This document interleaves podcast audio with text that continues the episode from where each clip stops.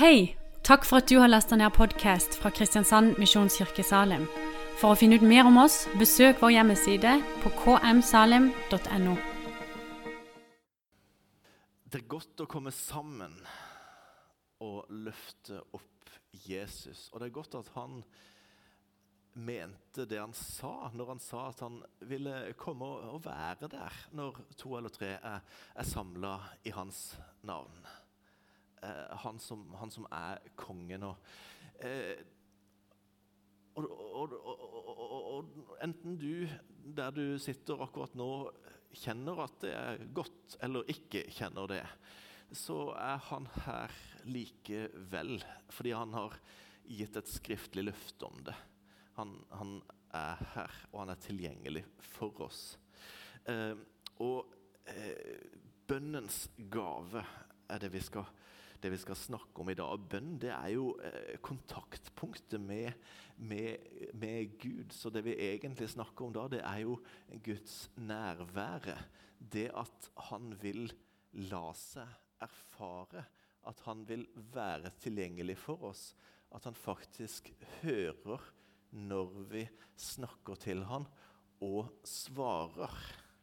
Så det skal vi si litt om i, i, i dag. Um, og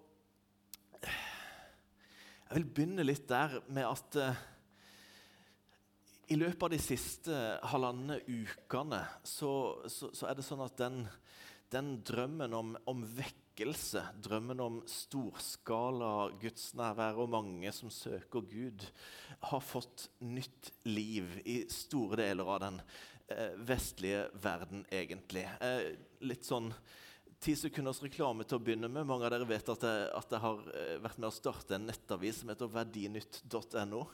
Uh, jeg har lagt noen sånne kort ut i foajeen uh, hvis noen av dere vil ha en, en påminner om hvordan man går inn der og finner ut av det. Så det kan dere ta med dere. Det var hele reklamepausen. Grunnen til at jeg tok den akkurat nå, det var det at for en halvannen uke siden så tikka det inn et, et tips i, i, Messenger hos meg som sa dere, dere må skrive om vekkelsen i Asbury. Og jeg tenkte, hva er Asbury? For det hadde jeg aldri hørt om. Og mange har hørt om Asbury den siste halvannen uka her. Ja, det, det, brer om seg, vet du. Det gjør det. Eh, vi var den første avisa som skrev om det i Norge. Er ikke det kult? Fikk jeg sagt det òg? Onsdag 8. februar så er det altså på et lite universitet. 1600 studenter. Eh, kan jo høres mange ut, men eh, på universitetsstørrelse er jo ikke det sånn kjempedigert. Og det ligger i en liten eh, småby på en 3000-4000 innbyggere i Wilmore, Kentucky, USA. Jeg mener Størrelsen på byen og universitetet kan sammenlignes med Høgskolen i Bø i Telemark, f.eks. Eh, sånn, som er omtrent like mange beboere på stedet og studenter på, på høyskolen. Så litt av dimensjonene, da. Eh, der er det altså på dette kristne universitetet en helt vanlig morgensamling onsdag 8. februar um, i klokka ni eller ti på morgenen. Eh, så samles studentene til andakt og bønn, som man ofte gjør på kristenstudiesteder. Bare at den dagen så tar det ikke slutt. Det bare fortsetter. Når det er over, så er det ca. 30 stykker igjen som bare kjenner vi kan ikke gå fra dette lokalet. Så de fortsetter å lovsynge og tilbe, og flere kjenner seg bare dratt tilbake igjen der. Så i, så, i, så i, løpet av noen timer så er de noen hundre, og i løpet av en dag så er de tusen. liksom. Eh, og, så, og, så, slutter det ikke når natta kommer heller. Og så har de holdt på døgnet rundt. Fra eh, onsdag 8. februar til nå eh, fredag eh, som var. Eh, ni døgn i strekk uten opphold bare fordi Guds nærvær slo ned. Og det er ingen predikantnavn som har vært annonsert. Og det er ingen kjente lovsangstjerner som har vært trekkplasteret.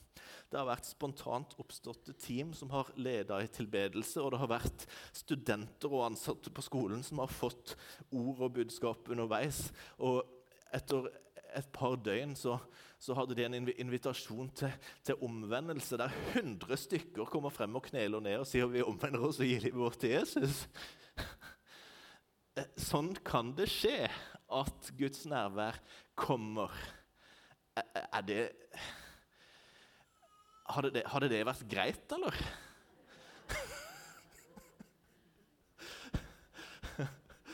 Og, og, nå gjelder det jo på en måte å håpe at de eh, bevarer det og kanaliserer det riktig videre. For det er klart, eh, døgnet rundt det går bare så lenge. på en måte. Er, man skal jo på en måte overleve i lengda, så nå blir det mer sånn eh, daglige møter og noen timer og sånn framover, forstår jeg, på, på, planene de legger. Og så, og, så sprer jo dette, så har jo allerede spredt seg til flere steder. og um, og Noen snakker om uh, at dette den, kanskje kan være starten på den universitetsvekkelsen som man har bedt om i, i USA. Og jeg tenker um, Dette er det bra å la seg inspirere av. At, at Guds nærvær alene er nok til å gjøre uh, store ting. Jeg kommer, jeg kommer rett ifra bønnekonferansen på Grimerud, der eh, mellom 300 og 400 eh, er samla. Eh, folk som er opptatt av bønn og forbønnstjeneste fra mange ulike sammenhenger. Jeg kom hjem i går, i går kveld derifra. Eh, det har vært eh, eh, utrolig fint. det er jo første storsamlinga der etter pandemien. Dere vet, eh, Det har i mange år vært en årlig tverrkirkelig bønnekonferanse på, på Grimerud gård oppe ved Hamar. Eh, og den vokste veldig de siste fem-seks årene før pandemien. Eh, da var det noe som skjedde som gjorde at man begynte å, å, snakke om at det er en gryende bønnevekkelse på gang i landet vårt. Flere oppdager viktigheten av bønn, viktigheten av å, eh, å sette av eh, tid til å, å, søke Gud. Og den vokste i antall. Det var 500 stykker der i 2020. Jeg var innom der en liten tur da også. Um, nå samler de altså en 300-400 igjen og eh, er i, i, i, gang igjen. og og, navnet på den konferansen er 'Sammen for hans ansikt'. Og I år så hadde de bestemt seg for at det, det, var det eneste temaet man ville ha. Man trenger å komme sammen for å søke hans ansikt. Man snakker om at man opplever eh, økende eh, press både utenfra og innenifra. Vi, vi står i en, en uh, situasjon der uh, det er krig i Europa igjen i vår tid. Det er dramatiske omveltningstider i, i verden. Og vi, og vi, står i en situasjon der, der også kirka i Norge opplever at det er et økende press utenifra kneler du ikke for uh, ideologiene som flertallet sier du skal støtte i dag, så skal du kanselleres fra plattformer og arbeidsplasser. Og, og er også et press innenifra eh, mot bibeltroskapen. Ingen kirkesamfunn vil være unntatt presset mot det å stå frimodig for hele Guds ord. Eh, det eh, kommer vi ikke unna. Og i den situasjonen der så, så, så, så er jeg enig med eh, stemmene der oppe i at det er viktigere enn noen gang før at vi, vi, vi søker hans ansikt sammen. De fortalte fra vekkelseshistorien om hvordan Stephen Jeffreys, en av predikantene under den store vekkelsen i Wales på begynnelsen av 1900-tallet, hadde i 1914 et, eh, et, syn der han ba om å få se Jesu ansikt. Og så så han, så så han det både sorgfullt og gledesstrålende samtidig. Det var en dobbelthet i det. Og han, og han kjente at det, det, ligger i det at vi må forberede oss på at noe kommer til å, å skje i, i, i, i, verden. Og noen måneder seinere så brøt første verdenskrig ut. vi, vi, vi, er i en en, en situasjon i, i, vår tid der, eh, der, der det allerede er eh, ja, som jeg sier, krig i Europa, uroligheter og, og, en pandemi som har gjort noe med oss alle sammen og, og stokka eh, om på ting. Og, og, jeg tror han fortsatt eh, står der og sier eh, sørger sammen med dere i presset og i sørgelighetene og i, det, og i nøden og det som skjer, og at han samtidig har gleden i Herren som skal være vår styrke, og at han samtidig er der og sier jeg vil, jeg vil reise opp min, min menighet i, i stråleglans. Eh, og, og, eh, og, komme på nytt igjen. Um, uh, fordi en, en, en kirke og et kristenfolk som uh, stråler av hans nærvær, det, det, kan, det, kan, forandre omstendigheter, det kan forandre nasjoner, det kan forandre mye. Det kan forandre nærmiljøer, nærområder, nabolag, hus, hjem. Hans nærvær er det som trengs. Det er hele hemmeligheten. Hans nærvær er hemmeligheten til forandring av landet og av ditt eget liv i mikro- og makroperspektiv. Ah, det var en voldsom utblåsning i innledninga, var det ikke? ja, det, det, det, det bare blei sånn. Men vi skal, vi skal, gå inn i Guds ord, og så skal vi snakke om eh, det at eh, bønnens gave, det at mennesket skulle få ha et kontaktpunkt som gjorde at vi kunne få tak i gudsnærværet og leve i nærheten av det, det var en del av den pakka han tenkte helt ifra. Skapelsen av Guds kontaktsøken mot oss er tydelig formulert allerede i første Mosebok, kapittel 2 og 3. Og Derfor skal vi gå dit og lese noen vers sammen derifra. Vi skal lese første Mosebok 2, vers 15-20. Eh, hvis noen har Bibel, så kan vi gjerne bli med meg dit. Eh, der har altså Gud skapt verden og alle tingene, og han har skapt mennesket i sitt bilde. Vi har lest tidligere i kapittelet om hvordan han blåste liv i Adam. Han gjorde han til en levende sjel, og han ga han et annerledes ansvar enn dyrene. Han ga han råderett og sa det er noe spesielt med, med deg. Du skal fylle en spesiell plass her i dette som jeg har laga. Og så, så står det fra vers 15 til 20.: Så tok Herren Gud Adam og satte ham i Edens hage, så han kunne dyrke den og ta vare på den. Herren Gud bød Adam og sa, av hvert tre i hagen kan du fritt ete, men av treet til kunnskap om godt og ondt skal du ikke ete. For på den dag du eter av det, skal du sannelig dø. Og Herren Gud sa, det er ikke godt for Adam å være alene. En hjelper som passer til ham, vil jeg gjøre for ham. Av jorden hadde Gud forma hvert dyr på marken og hver fugl i luften. Han førte dem til Adam for å se hva han ville kalle dem. Og det Adam kalte hver levende skapning, det ble navnet den fikk. Så ga Adam navn til alt feet, til fuglene i luften og hvert villdyr på marken.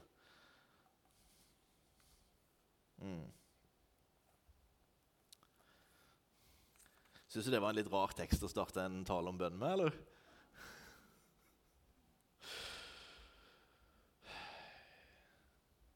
Vel, det vi ser her, er at Gud for første gang tar kontakt med Adam ønsker direkte kontakt med Adam, som betyr menneske. Menneske som han har skapt. Eh, og det han gjør, er at han, han byr Adam. Han snakker til Adam. Han sier spiser de trærne, men ikke akkurat det. Gjør sånn, og du får en oppgave. Han leder Adam. Han gir han visdom, og han gir han instrukser. Så det første vi ser, er at han snakker til han. Det andre vi ser i teksten, er at han møtte Adam på dypet ved at han så hans innerste lengsler og behov. Han ga ikke bare beskjeder. Han sa, 'Jeg ser at du er aleine. Du trenger noen å dele livet med.' Eh, han lengta etter noen som var hans like. Og så hadde han svaret klart, for i versene etter det vi leste, så skapte han Eva, eller manninne, menneske, som var hans like. Ikke helt identisk, men av samme slag. Og to stykker som passer veldig godt sammen og kunne oppfylle hverandres behov og lengsler. Så han møtte Adam på dypet ved at han gjenkjente med en gang han så på han sa han, jeg ser hva du lengter etter, og hva du trenger. Det tredje vi ser i teksten, er at uh, Gud ikke bare snakka til Adam, men lytta til Adam. Jeg mener, Det var han jo ikke nødt til. Det var ingen som tvang han til det. Gud er ikke nødt til å høre på hva mennesker sier. Han er jo universets konge og herre. Men han valgte det fra starten av. Han lytta til ham fordi han, han, han førte dyrene og fuglene til Adam for å se hva han ville kalle dem. eh, ikke bare ga han Adam en oppgave, men han ville se hva Adam ville kalle dem. Han hadde lyst til å høre hva Adam fant på.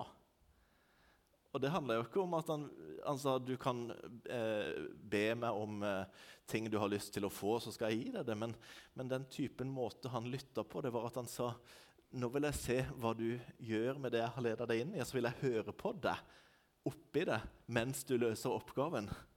Så eh, han, han, han lytta til Adam og var interessert i å høre hva Adam ville kalle dyrene. Og Det fjerde vi leser i teksten her, det er at Gud hadde fellesskap med Adam langs hele prosessen. Han ble der mens Adam ga navn til dyrene. Han var interessert i å være sammen med Adam på en kontinuerlig måte mens Adam utførte oppgavene sine. Så fire ting lærer vi om hvordan Gud vil kommunisere med sine, eh, sine skapninger i, eh, i, eh, i skapelseshistorien. Han vil snakke til Adam. Han ville møte ham på dypet. Han ville lytte til han, og han ville ha kontinuerlig fellesskap med han. Right. I neste kapittel så leser vi at den kontakten ble ødelagt i syndefallet. Første Mosebok 3, vers 8-10 skal vi lese. Vi vet hvordan, det, hvordan, historien gikk. Vi vet at det, det var en, en slange som, som, sa 'spis av det treet likevel'. Vi vet at de lulla seg inn i noen forestillinger om at de kan gjøre det, og så var det egentlig ikke min feil, men de andre sin. Og så lurte de seg vekk fra Gud, og så gjorde de historiens største tabbe når de valgte vekk å høre på hans visdom. Vi leser om hva som skjedde etter det. De hørte da lyden av Herren Gud som gikk omkring i hagen på den svale tiden av dagen, og Adam og hans hustru gjemte seg for Herren Guds ansikt mellom trærne i hagen. Da, da kalte Herren Gud på Adam og sa til ham, 'Hvor er du?' Og han svarte, 'Jeg hørte stemmen din i hagen, og jeg ble redd fordi jeg var naken, så jeg gjemte meg.'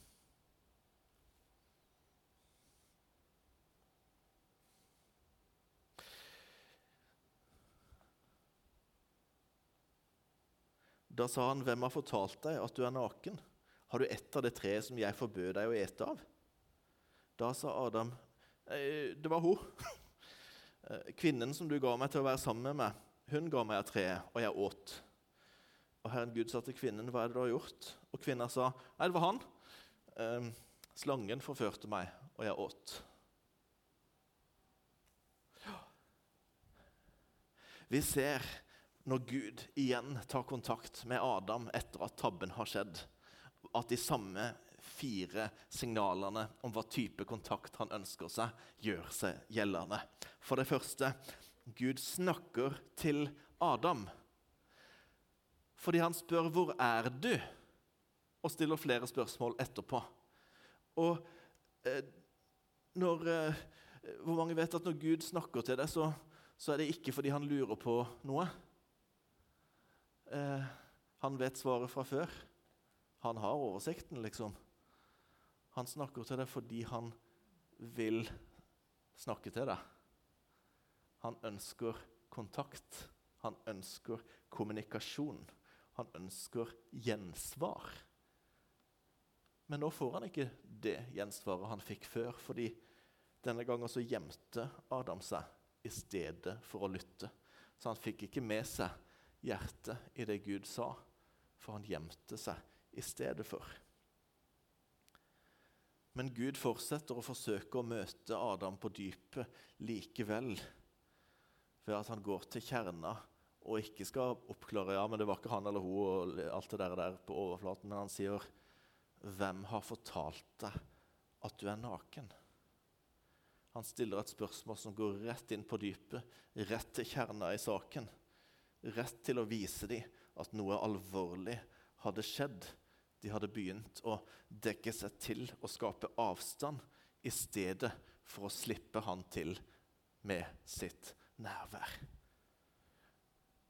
Og for det tredje også nå så lytter han til Adam også etter fallet. For han stiller jo spørsmål og gir sjansen til å svare på dem. Men Adam svarer ikke lenger kommunikativt, ut fra en forståelse av at det er en gave å få kommunisere med verdens eh, skaper og herre. I stedet for så svarer han ut fra, et, eh, ut fra egne behov og ut fra en posisjon av selvforsvar og egosentrisitet. Ikke med fokus på å leve i Guds kall og ta Han med i hverdagen. og Det er å gi dyrene navn, men med fokus på jeg er egentlig uskyldig og snill. altså. Jeg er veldig bra, ser du ikke det? Jeg har dekka meg til så godt jeg kan for deg. Og sånn har vi holdt på siden her. Og for det fjerde Gud ønsker fortsatt fellesskapet. Innholdet i det han ropte. 'Hvor er du? Kom, da!' Og siden så har han ropt 'Menneske, hvor er du? Kom til meg. Kom inn i fellesskapet. Kom og vær sammen med meg.' Han vil det samme. De fire tingene han uttrykte at han vil med, sitt, med, med det ypperste i sitt skaperverk, det vil han fortsatt.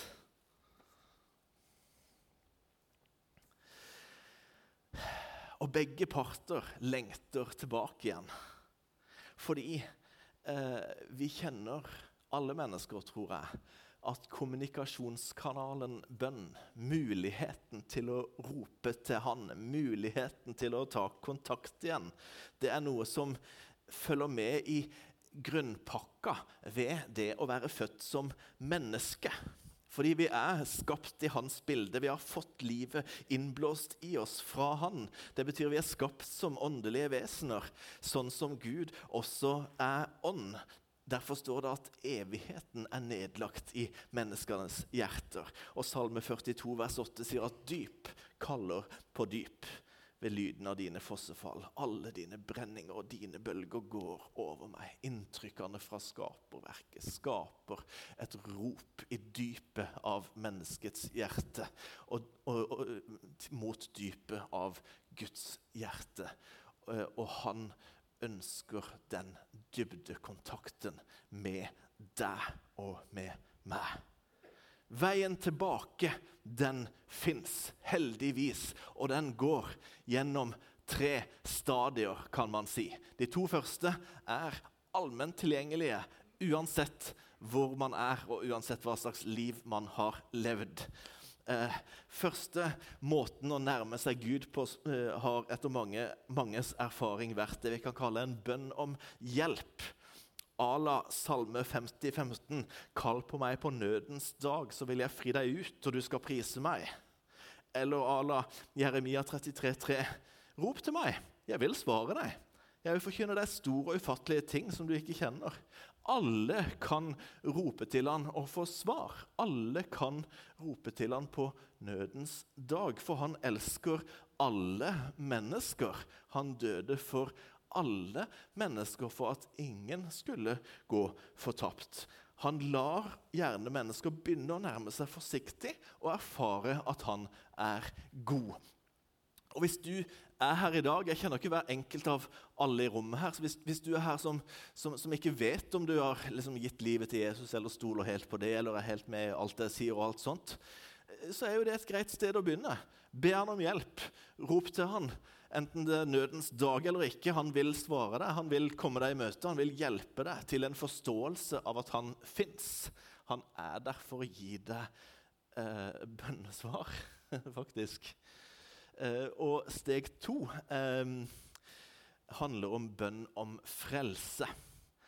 Det òg er tilgjengelig for alle mennesker. Romerbrevet 10-13 og apostelgjerningene 2.21 sier det samme. Hver den som påkaller Herrens navn, skal bli frelst.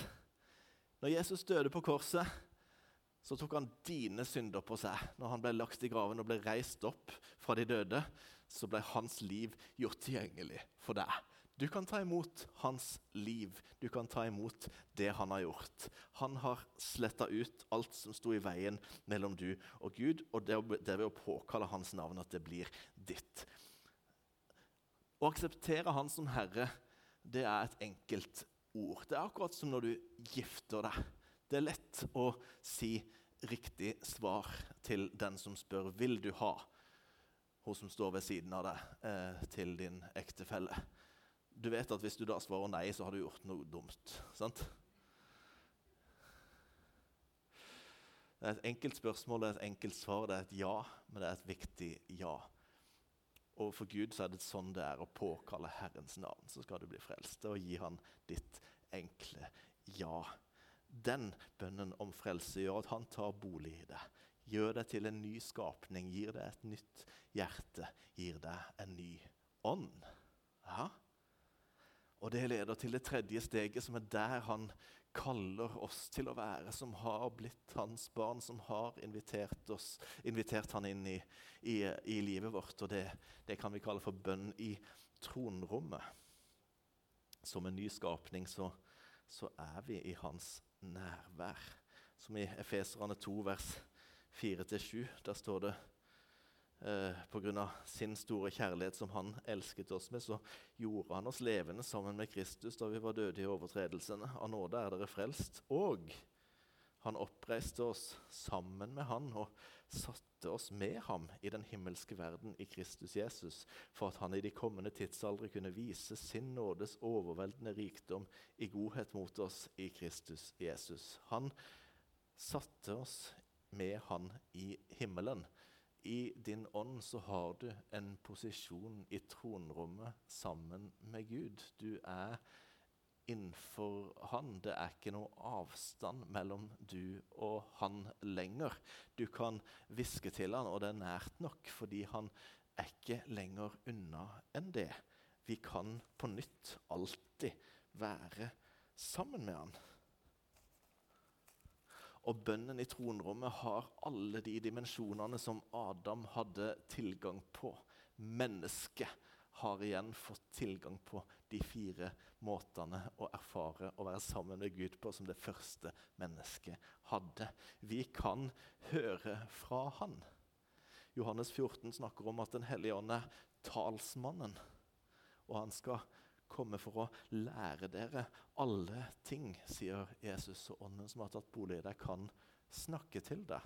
Det går igjen an å bli snakka til. Og han har gitt oss ordet som alltid er gyldig, og som gir gjenklang i vår ånd fordi det står fast og kommer ifra han.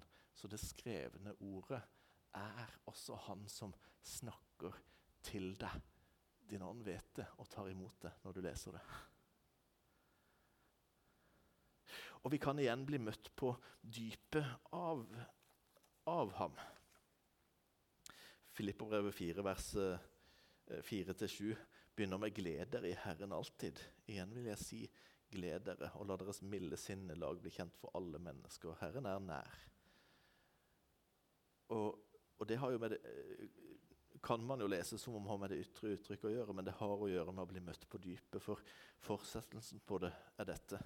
Vær ikke bekymra for noe, men la i alle ting deres bønneemner komme fram for Gud, i bønn og påkallelse med takksigelse. Og da skal Guds fred, som overgår all forstand, bevare deres hjerter og deres tanker i Kristus Jesus. Han vet fortsatt hva du trenger, han vet fortsatt hva dine innerste lengsler er. Han vet hva du trenger i livet, han vet hva du trenger i ditt indre. Det du trenger i ditt indre, det er en fred som overgår all forstand. Som stopper bekymringene. Som stopper eh, lammelsen man kan oppleve av det, av det presset som kommer imot den, både utenfra og innenfra. Freden som overgår all forstand, er nøkkelen. Den vil han møte deg med på dypet. Og han vil høre fra deg og svare på bønnene. Vi må lese fra Matteus 7, de heftige løftene som er knytta til det, og la han høre fra oss. Fra hver 7 der så står det 'be', og det skal bli gitt dere. Let, og dere skal finne. Bank på, og det skal bli åpna for dere. For hver den som ber, han får. Den som leter, han finner. Og den som banker på, skal det bli åpna for. Eller hvilket menneske er det blant dere som vil gi sin sønn en stein når han ber om brød, eller som vil gi ham en slange når han ber om en fisk? Hvis altså dere som er onde, vet hvordan dere skal gi gode gaver til barna deres, hvor mye mer skal ikke da deres far som er i himmelen, gi gode gaver til dem som ber ham? Så han vil høre fra deg, og han vil svare på bønnene. Og det fjerde er også ivaretatt. Han vil ha fellesskap gjennom hele hverdagslivet. I det kallet han gir deg, i de oppgavene han gir deg, i de utfordringene du står i. Derfor står det i 1. Tessaloniker 5,17.: Be uten opphold, eller be uavlatelig i de eldre oversettelsene. Hvordan gjør man det? Og det er å være i fellesskapet med han gjennom alt som skjer gjennom dagen. Det inviterer han oss inn i. Til slutt Kampen om vårt fellesskap med han ligner på den samme kampen som Adam ble lurt inn i. Stemmen som ville distrahere han vekk fra det hele og inn i selvrettferdighet og egosentrisitet og egne beslutninger i stedet for. Vi kan på samme måte la oss distrahere fra vissheten om at vi er hans barn, om at vi er satt med han i himmelen. Vi kan gjemme oss for han ved å f.eks. overdøve hans stemme med alt annet som vi heller vil høre på. Vi kan dekke oss til i møte med han med å legge på oss religiøs pynt og spesielle uttrykksformer, eller, eller, eller velge troen på egne prestasjoner i stedet for troen på Han. Vi kan også, sånn som Adam, bli selvsentrerte og selvrettferdige når vi snakker til Han. Og Derfor vil jeg avslutte med en invitasjon i denne talen til å legge av alt det der. For det han sier, det er 'kom'. Bare kom til han sånn som du er. Derfor står det i Hebreerne 4,16.: La oss med frimodighet tre fram for nådens trone, for at vi kan få miskunn og finne nåde til hjelp i rette tid. Bibelen sier du kan komme inn i hans nærvær med frimodighet. Uansett hvordan det har stått til i det siste, uansett om du har gjemt deg for han, uansett om du har pynta deg for han på feil måte, holdt jeg på å si, om du har eh, eh vært eh, opptatt av eh, din egen, eh, ditt eget selvforsvar og fortreffelighet istedenfor. Du kan få legge det ned, du kan få komme, du kan få være innenfor han sånn som du er akkurat nå. Eh, så, så, jeg avslutter med et enkelt 'kom'. Kom inn i hans nærvær. Der hvor du sitter. Nå skal Sondre synge for oss. Eh, eller nei, eh, du skal synge for oss. Eh, ja. Våre fantastiske musikere skal spille og synge for oss. uh, og, og, og, og, mens de gjør det, så, så, så lyder invitasjonen uh, Kom der hvor du sitter. Si til han, møt meg igjen. Jeg trenger deg. Jeg trenger din fylde. Jeg trenger å erfare deg. Jeg trenger å være i ditt nærvær med mitt liv, sånn som du skapte meg til. Og la han komme, så tror jeg det at han har noe for hver enkelt av oss. Og Ønsker du forbønn, ønsker du å, å, å, at noen skal, skal, be for deg inn i dette, her, så, så, tar du deg bare en tur inn på bønnerommet bak og setter deg på en stol der, og så kommer det etter hvert noen til deg og, og, og ber for deg. Og vi, vi, åpner, vi, åpner, dørene inn til bønnerommet nå mens vi, mens vi uh, uh, lytter til, til sangen, og så, og så bare er vi innenfor Han sammen. Og så sier han 'kom'.